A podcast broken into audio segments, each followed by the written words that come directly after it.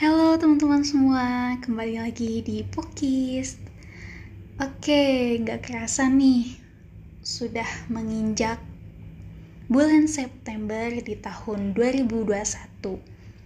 Kali ini aku akan sharing, sebenarnya ini episode lanjutan di awal aku membuat podcast. Tepatnya di awal tahun 2021 Gak kerasa juga nih teman-teman, udah mau menginjak akhir tahun 2021. Aku udah ada hutang untuk membahas perjalanan yang aku alami di tahun 2020, masa-masa aku down, dan gimana sih cara aku self healing waktu itu. Mungkin teman-teman ada yang merasakan hal yang sama sama kayak aku atau mungkin ada yang lebih berat lagi. Aku di sini cuma buat sharing sama reminder aja ya, bukan untuk membandingkan kehidupan. Karena aku yakin setiap kehidupan itu mempunyai perjalanannya masing-masing, baik itu kesedihan, kebahagiaan, kesusahan, kesenangan, dan lain-lain. Oke, aku bahas pertama masa down dulu. Waktu aku down nih, teman-teman. Keingat banget. Di awal tahun 2020 aku memutuskan untuk mengakhiri sebuah hubungan yang sudah terjalin sangat lama. Ya, jatuh cinta. Menurut aku, jatuh cinta itu nggak mudah. Sulit sekali.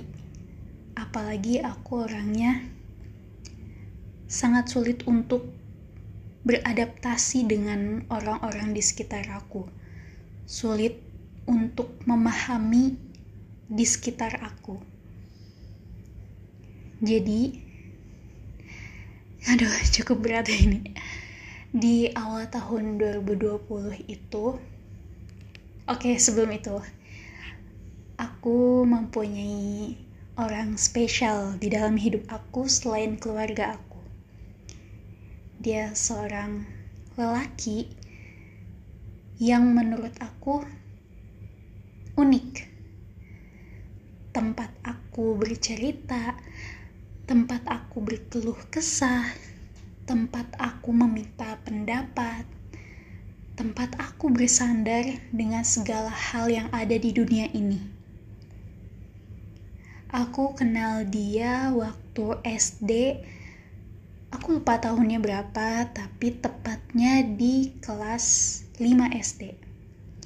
Waktu itu biasalah cinta monyet ya. Anak-anak SD kecil-kecil gitu. Ternyata itu kebawa sampai SMP dari SMP lanjut ke SMA dari SMA lanjut ke kuliah. Kita nggak pernah bertemu. Bukan nggak pernah sih cuman jarang. Bisa dihitung oleh jari mungkin setelah perpisahan SD itu. Kita berkomunikasi dengan baik mulai dari zamannya Facebook, Twitter, terus ada BBM, waktu boomingnya BlackBerry HP-nya, maaf sebelumnya nyebut merek, terus pindah ke WhatsApp, lalu ke Instagram, dari pokoknya dari zamannya aplikasi kuno sampai yang sekarang sudah membuming itu kita lalui bersama. Namun entah karena lingkungan kita yang berbeda, kita berkembang di lingkungan yang berbeda tentunya dan mempunyai karakter yang berbeda pula ditambah kita jarang bertemu yang membuat kita jarang atau tidak memahami satu sama lain. Ini mungkin akan menjadi cerita yang panjang ya kalau kalau diceritakan sekarang. Oke, di next episode aja deh. Itu aku skip. Intinya aku berakhir di tahun awal tahun 2020. Setelah itu aku fokus lagi ke akademik karena waktu itu aku hampir down dan nilai-nilai aku jelek. Akhirnya aku fokus ke akademik dan siapa yang tahu musibah akan datang. Ayahku meninggal. Tepat 1 Maret itu menurut aku hal terberat karena aku di tahun itu kehilangan dua lelaki yang pernah hadir di dalam hidup aku. Dua lelaki yang pernah menjadi panutanku. Dua lelaki yang pernah memahami aku dalam keadaan diam Jelas aku hancur sehancur-hancurnya. Tapi anehnya, aku menangisi hal itu pada hari ya hari kejadian dan seminggu setelah hari kejadian. Udah itu aja gitu. Gak ada rasa keterpurukan yang mendalam lagi. Gak ada aku lalui bersama teman-teman aku. Alhamdulillahnya aku punya teman yang mensupport aku baik dalam keadaan susah maupun senang. Dan untungnya juga ini bukan pas lagi pandemik ya. Ini tuh sebelum booming pandemik di Indonesia waktu itu. Jadi aku masih bisa main sama teman-teman aku uh, setelah kejadian itu fisik aku baik. Fisik aku baik I'm fine. Aku selalu tersenyum menyapa teman-teman seperti biasa. Nothing problem. Dan gak tahu kenapa itu mengganggu mental aku fisik aku baik. I'm fine. Tubuh aku juga baik. Nggak sakit nggak demam nggak pusing nggak pan nggak nggak apa ya nggak merasa terbebani rasanya berat gitu buat bangun di pagi hari aja tuh nggak ada gitu. Tapi ternyata mental akulah yang sakit. Di situ aku benar-benar merasa menderita. Nah, setelah itu aku berusaha nih menjalani aktivitas keseharian aku seperti biasa. Dan ternyata ketika ujian nilai aku memburuk, bukan membaik Nilai aku memburuk sampai aku bertanya pada diriku sendiri, "Kamu kenapa, Kis?" "Kamu ada masalah?" "Enggak kok." "Kamu memikirkan sesuatu?" "Enggak." "Tapi kenapa?" gitu. Pelajaran aja sulit banget buat aku tangkap. Aku berinteraksi dengan orang lain tapi kayak hampa. Gitu kan. Dan yang lebih parahnya lagi di tahun 2020 itu first time sekolah memanggil aku. Dalam artian aku mendapatkan surat undangan dari sekolah. ini first time banget buat aku karena selama ini aku nggak pernah mendapat surat resmi dari sekolah Oke, pada saat itu aku kuliah ya. Kuliah semester 4 kalau nggak salah. 4 apa 5 ya? Kayaknya 4 deh. Tingkat 2, tingkat 2. Dan itu surat langsung dikirim ke mamah aku. Oke. Ini big problem buat aku karena biasanya walaupun aku remedial, itu aku bisa laluin sendiri. Sebanyak-banyak ya remedial aku laluin sendiri itu. Gak tahu mungkin karena udah terbiasa kali ya. Udah terbiasa apa-apa sendiri, ada problem mengatasinya sendiri. Jadi ketika ada problem yang datangnya dari aku dan itu langsung tersampaikan ke orang tua aku itu beban banget buat aku. Kayak why gitu kenapa nggak lewat aku aja? Kenapa lewat mama aku? Itu orang tua aku satu-satunya loh. Gimana kalau misalnya mama aku overthinking mikirin beban beban udah beban keluarga hidupnya ditambah anaknya gimana kalau misalnya di posisi mamahku gitu kan ya? Akhirnya aku nangis. Aku nangis lagi kayak kok aku gini banget sih? Itu sampai aku mau mengakhiri hidup aku. Tapi aku masih berpikir. Akhirnya aku minta maaf ke mamahku dan ditanya, "Kamu kenapa?" Itu hal yang sangat sensitif waktu itu karena benar aku ingin terlihat baik-baik saja. Jadi ketika orang menanyakan, "Gimana sih kabar aku?"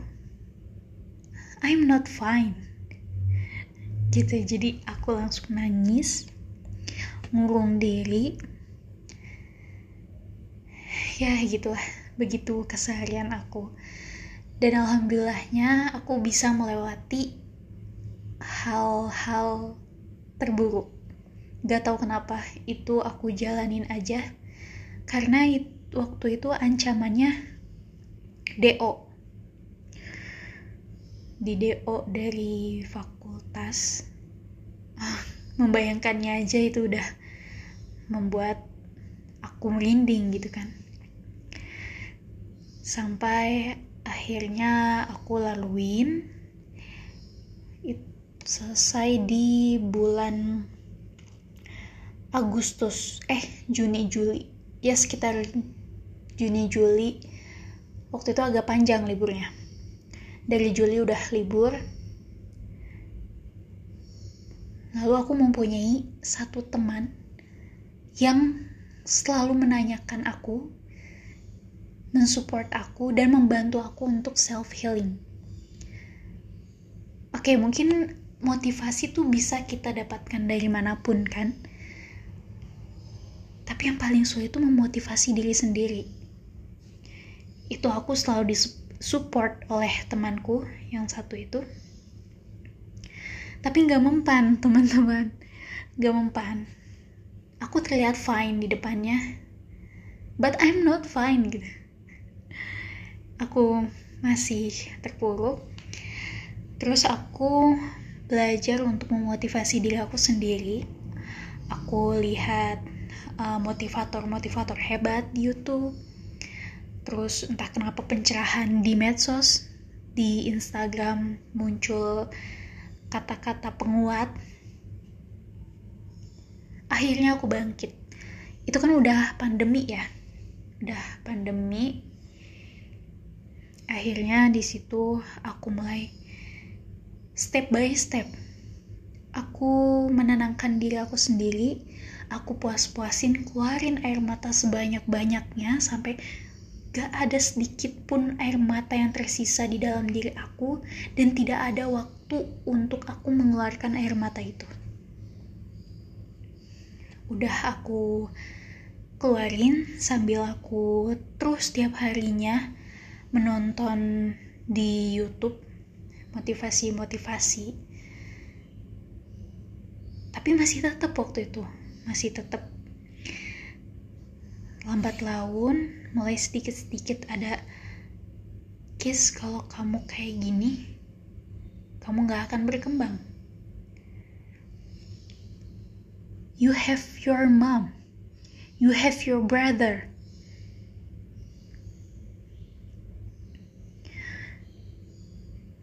Itu kayak suatu motivasi yang sedikit-sedikit mulai tumbuh di dalam diri aku. Ditambah, aku ini mau menjadi seorang dokter loh. Kamu udah tingkat dua, tinggal dua tingkat lagi. Kamu mungkin masih panjang perjalanan menjadi dokter, tapi secara akademiknya dua tahun lagi kalau kamu berhenti, bukan hanya ayah kamu aja yang menangis, ibumu, kakakmu, bahkan nenekmu yang waktu itu mensupport kamu sampai kamu masuk di kedokteran. Itu akan menangis, kecewa. Jangan kayak gini. Kalau kamu mikirin diri kamu, kamu akan hancur kamu gak akan kasihan ke diri kamu karena kamu belum mencintai diri kamu sendiri. Tapi coba kamu bayangkan sapaan, senyum manis dari ibumu, kakakmu, nenekmu, dan keluarga lain. Ketika kamu tersenyum ke mereka, itu adalah suatu kebahagiaan. Apalagi ketika kamu bisa bangkit dari keterpurukan itu akhirnya aku udah gak memikirkan diri aku waktu itu tentunya kalau misalnya aku masih mikirin diri aku aku udah udah putus asa. Aku mulai memikirkan ibu aku. Jadi aku memikirkan mamaku ketika membangunkanku di pagi hari tersenyum mensupport kakakku yang selalu ada ketika aku ujian selalu menyiapkan air minum, cemilan, biar aku semangat belajar. Nenekku yang selalu menelpon aku sebelum ujian, menanyakan kabar. Itu kayak you lost two boys in your life. But there are many person many people come to you. Kamu cuman kehilangan dua laki-laki loh. Tapi masih banyak orang-orang yang menunggu kesuksesan kamu. Di situ aku bangkit. Walau sempat mengurung diri, aku bangkit mencari jati diri aku. Pelan-pelan, di situ aku nggak belajar dulu, karena kebetulan juga lagi libur ya. Aku mencari hobi, tentunya membaca novel. Aku puas-puasin membaca novel. Terus aku memulai bikin YouTube channel aku buka lagi kreativitas aku di Wattpad sebagai penulis. Aku mulai membuat blog. Aku juga mulai membuat Anchor ini di podcast ini. Awalnya masih berat karena pas aku buat itu semua aku belum siap untuk dibully karena aku orangnya gak mau show up dan terlalu dipandang banyak orang. Aku kurang terlalu suka itu. Tapi karena aku mencoba buat menghibur diri aku waktu itu jadi aku mikirnya mumpung lagi online nih gitu. Mumpung aku nggak ketemu teman-teman jadi aku bisa mengeluarkan kreativitas aku bakat aku yang aku sendiri baru tahu gitu aku punya bakat itu. Akhirnya let it flow aja gitu. Aku berhasil melewati masa-masa itu.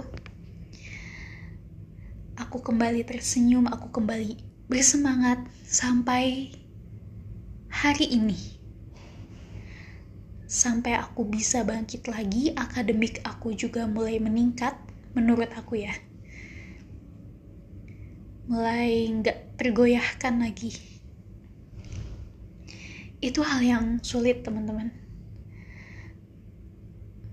Mungkin kalian punya self healing lebih baik lagi dari aku tapi menurut aku di saat hal terpuruk itu kita pasti nggak akan memikirkan diri kita sendiri. Mau sehancur-hancurnya diri kita bodoh amat kan? Tapi tolong pikirin yang masih ada di sekitar kalian. It's the most important. Hal yang gak akan terulang kembali. Kalau misalnya kalian putus asa pada saat itu. Aku juga sama mikir, oh iya ya, kenapa aku menyia-nyiakan membuang-buang waktu? Cuman kalau nggak kayak gitu ya aku nggak akan kayak gini. Ya gitu aku selalu memikirkan hal yang positif. Dan aku bersyukur karena aku mendapatkan hal-hal terpuruk itu, aku berusaha buat memandang ke hal-hal yang positif.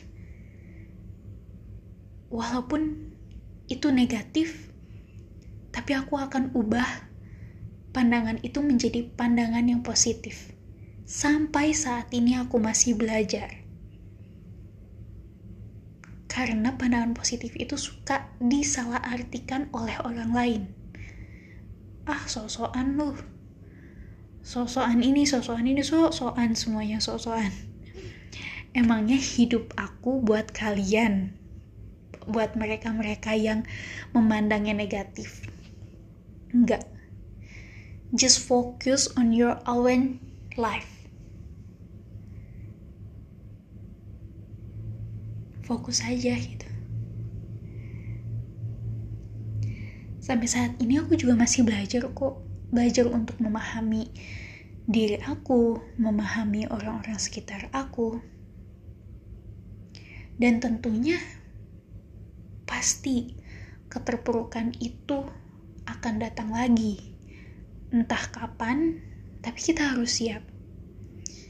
Aku nggak tahu self healing yang akan aku dapatkan, yang akan aku buat nanti bagaimana. Tapi aku senang ke diri aku sendiri. Aku masih bisa bertahan, masih bisa bangkit. Bahkan my life is better than before. Aku kayak the lucky person gitu ya itu yang aku rasain. Mungkin sepele kali ya cerita ini tapi menurut aku itu adalah best experience in my life yang belum pernah aku bayangkan sebelumnya akan kayak gini. Aku kira akan mulus-mulus aja gitu kan. Paling kerikil-kerikil kecil yang udah biasa aku hadapin tapi ternyata itu menjadi batu hantaman yang sangat besar. Dan aku bisa melewatinya. Oke teman-teman, gak kerasa nih mau setengah jam. 25 menit. Tapi semoga bermanfaat.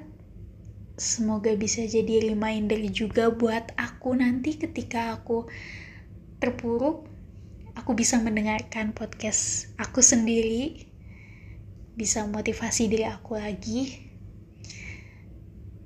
ataupun kalian uh, ingin mendengarkan solusi lain, aku juga bisa belajar dari teman-teman juga